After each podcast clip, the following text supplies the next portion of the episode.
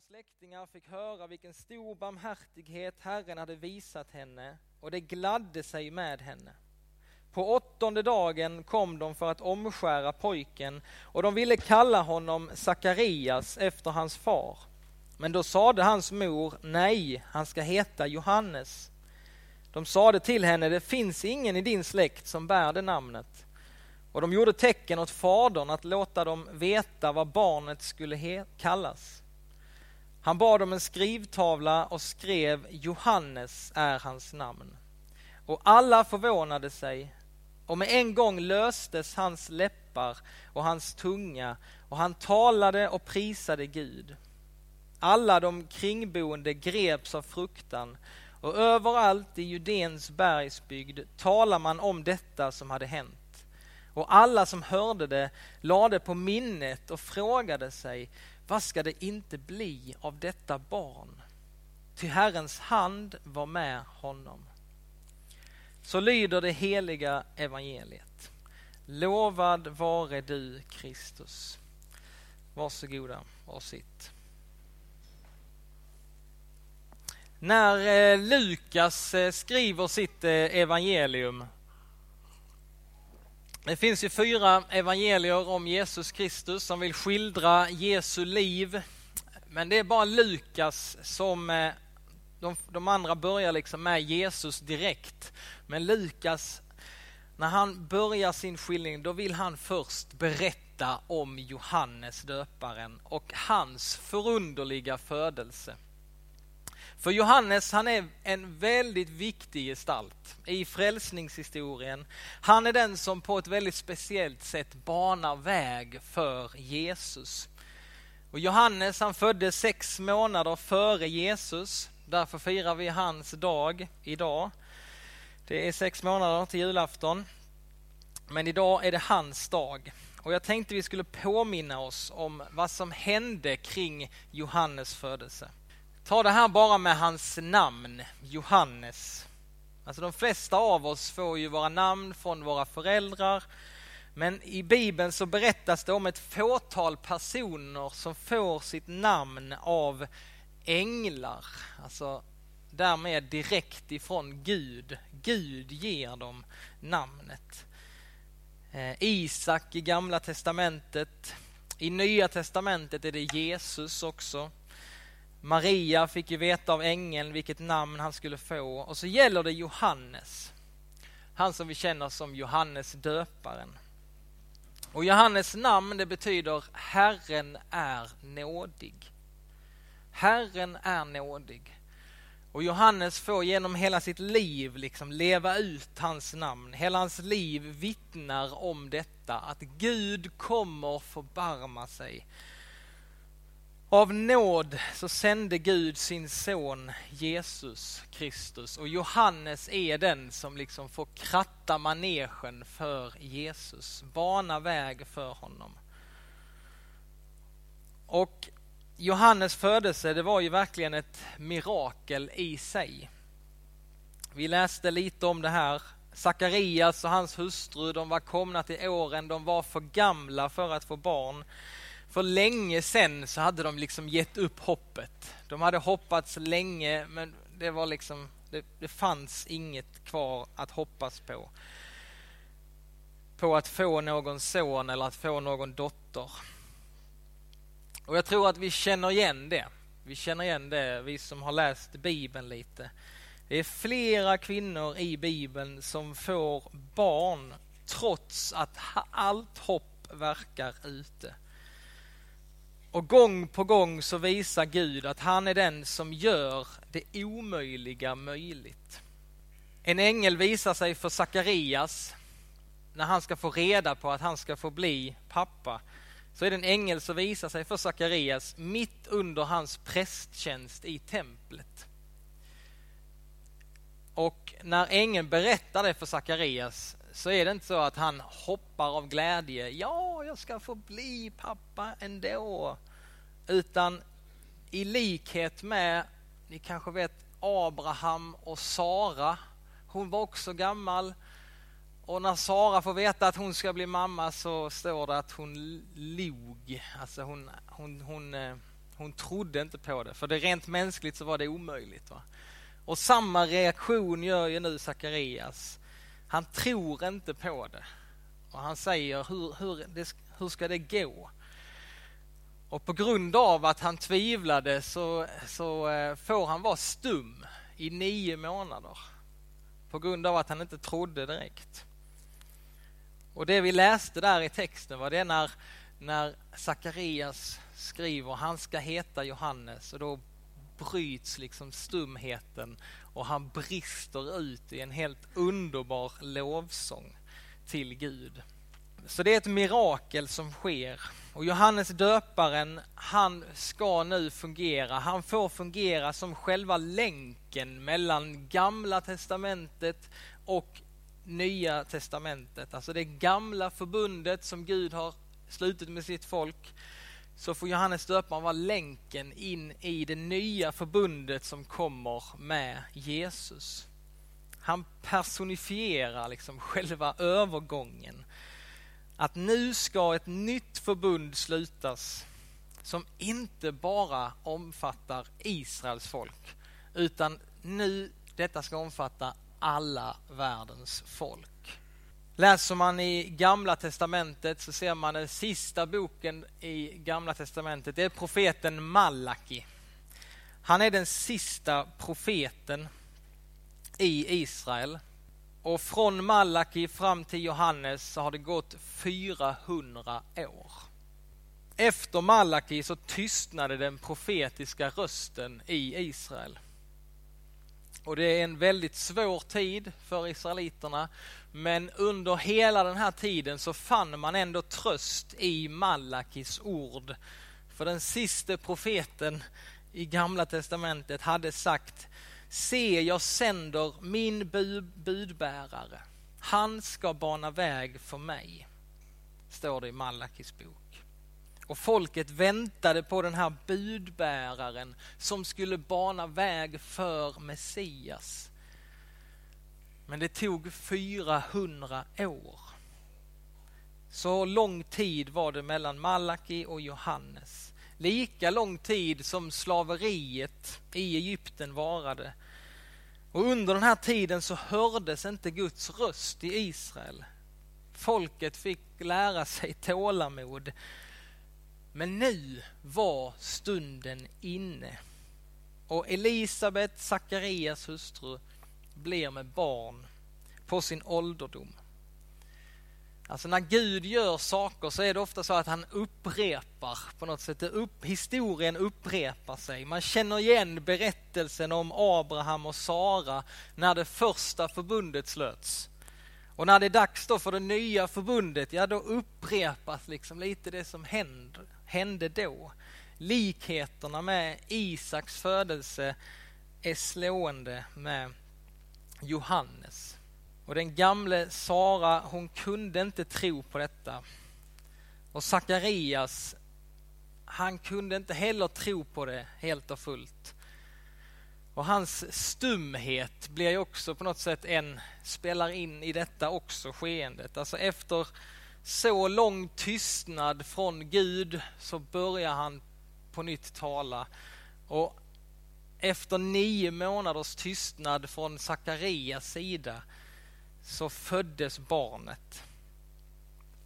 Och när Johannes kom till världen så bröts inte bara Sakarias tystnad utan också Guds tystnad bröts. Nu kommer den profetiska rösten igen att ljuda i Israel. Johannes skulle bli den profet som var på ett speciellt sätt utvald och avskild åt Gud att tala hans ord på nytt till folket. Så eh, Johannes, som sagt så är han en väldigt viktig gestalt i frälsningshistorien. Och han talade Guds ord till folket efter en sån lång tid av tystnad. Så är det han som vågar liksom gå fram och han vågar säga sanningen. Han är rakryggad. Han är äkta. Han är ärlig. Han vågar liksom stå upp för sanningen. Han visste vem han var och och han visste vad han hade för uppgift.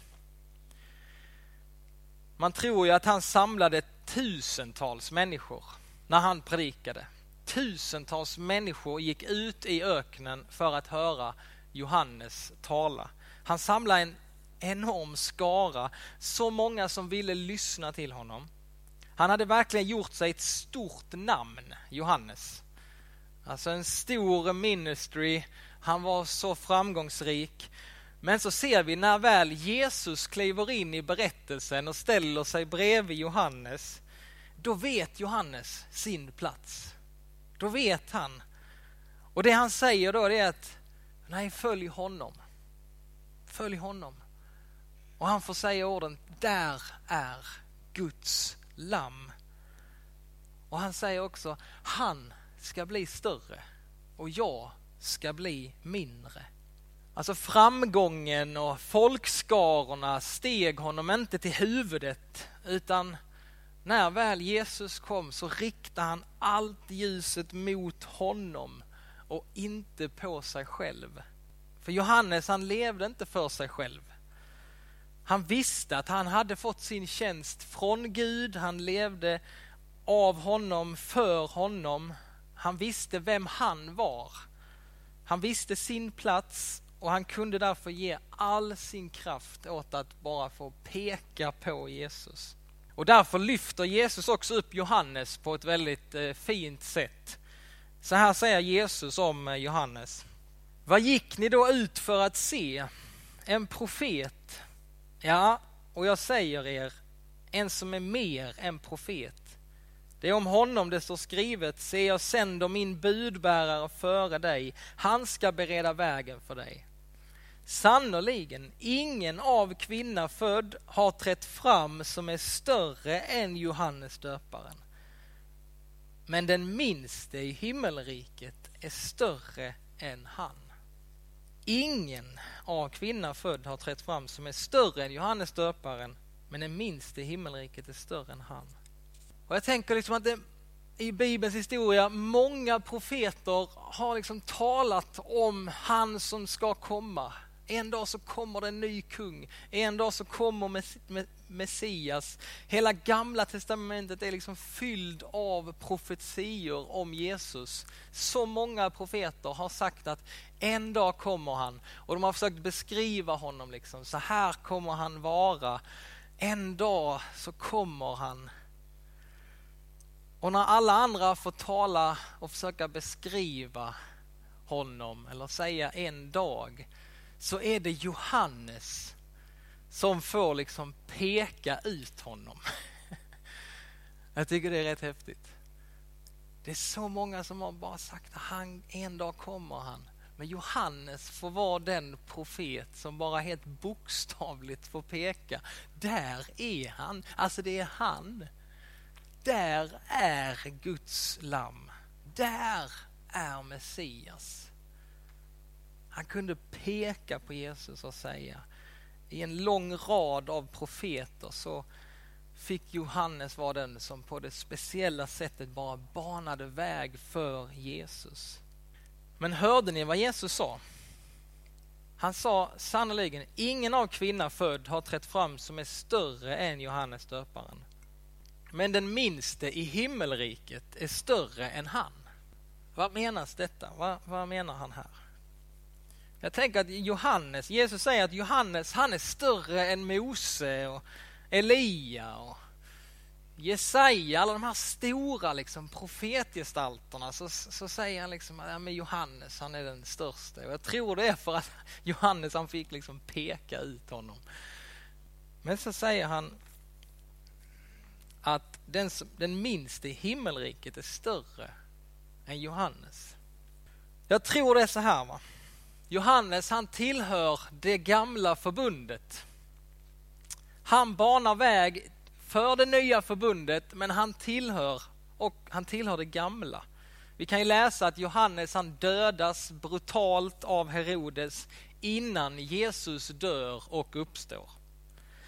Alltså Johannes fick aldrig uppleva Guds största kärlekshandling när Jesus dog och uppstod för oss på korset. Alltså det Jesus gjorde på korset för oss, det gäller Johannes. Absolut, det gäller för alla som har levt, för alla som kommer att leva. Men Johannes fick aldrig vittna om Guds stora verk på korset och hans uppståndelse. Aldrig någonsin har Guds kärlek blivit så tydlig. Aldrig någonsin har Gud avslöjat sig själv på det sättet som han gör på korset. Och man kan bara se på korset och säga man här, så här är jag. Alltså när, när man pressade Jesus till det yttersta när hånet haglade mot honom, när spottloskorna träffade honom, när han var helt sönderbruten för vår skull, då var det bara kärlek som kom ut från honom. När vakterna hånade honom så sa han bara förlåt dem, Fader, för de vet inte vad de gör. Aldrig har någon älskat som honom. Aldrig har Guds kärlek blivit tydligare och Det är liksom inte bara tomma ord utan det är på riktigt. Att så älskade Gud världen att han gav den sin enda son för att de som tror på honom inte ska gå förlorade utan ha evigt liv. Johannes fick aldrig förstå innebörden av de orden. Men vi har fått göra det. Vi har fått göra det. Och därför så säger jag till dig idag, kan du berätta om Jesus som har dött på korset för din och min skull, som har uppenbarat Guds kärlek. Kan du berätta den historien, ja då är du en större profet än Johannes. Jesus säger att den minste i himmelriket är större än Johannes. Kan du berätta om korset, om uppståndelsen, den tomma graven, då har du ett klarare budskap om Gud än vad Johannes någonsin hade. För vi har lärt känna Gud som vår frälsare. Johannes kommer få göra det också, men han fick inte göra det på det sätt som vi har fått göra. Han fick aldrig berätta om Guds frälsningsverk på korset. Därför är den minste i himmelriket större än honom. Guds rike som inte bygger på vad, hur duktiga jag och du är utan som bygger på vad Jesus har gjort för oss. Jag vet inte om du har tänkt på det innan va? men du kan säga mer om Gud än vad Mose kunde göra tycker jag är rätt kul. Du kan ge en klarare bild av Gud än vad Johannes döparen någonsin kunde. Jesus han säger, jag älskar när Jesus säger det här, han säger sannerligen, många profeter tidigare, många rättfärdiga tidigare har längtat efter att få se det ni ser, men de fick inte se det. Att få höra det ni hör, men de fick inte höra det. Men vi har fått höra det. Vi har fått lära känna Guds hjärta. Vi har fått lära känna Guds nåd. Och Petrus han skriver i sitt brev att änglarna de är avundsjuka på oss för de förstår inte evangeliet som vi gör. Han skriver så här att detta har nu kungjorts för er av dem som i helig som i helig ande sänd från himlen kommit till er med evangeliet. Detta som änglarna längtar efter att få blicka in i. Alltså, är man en ängel så är man annorlunda än mig. Är man inte en hopplöst förlorad syndare som vet att utan Guds nåd så är jag förlorad, då kan man aldrig uppskatta Guds nåd och Guds kärlek. Men vi har fått lära känna Guds nåd. Vi har fått lära känna honom som vår frälsare. Johannes skriver i sitt första brev Så uppenbarades Guds kärlek till oss. Han sände sin enda son till världen för att vi skulle få liv genom honom. Vi har lärt känna Gud och vi kan vittna om detta. Vi ber tillsammans. Ja, Herre, vi tackar dig för din nåd som vi får ta emot. Herre, tack att vi fått lära känna dig, Herre. Och nu ber vi till dig, heligande, fyll våra hjärtan med tacksamhet. Så att vi ser vad vi äger i dig. Och vad du har gjort för oss. Låt det få bli stort för oss på nytt, Herre. Och låt oss var och en få bli människor som berättar för andra om vad du har gjort. Tack att vi får berätta om din kärlek och din nåd. Gör vår församling, gör var och en av oss till kanaler för din kärlek och din nåd. I Jesu namn. Amen.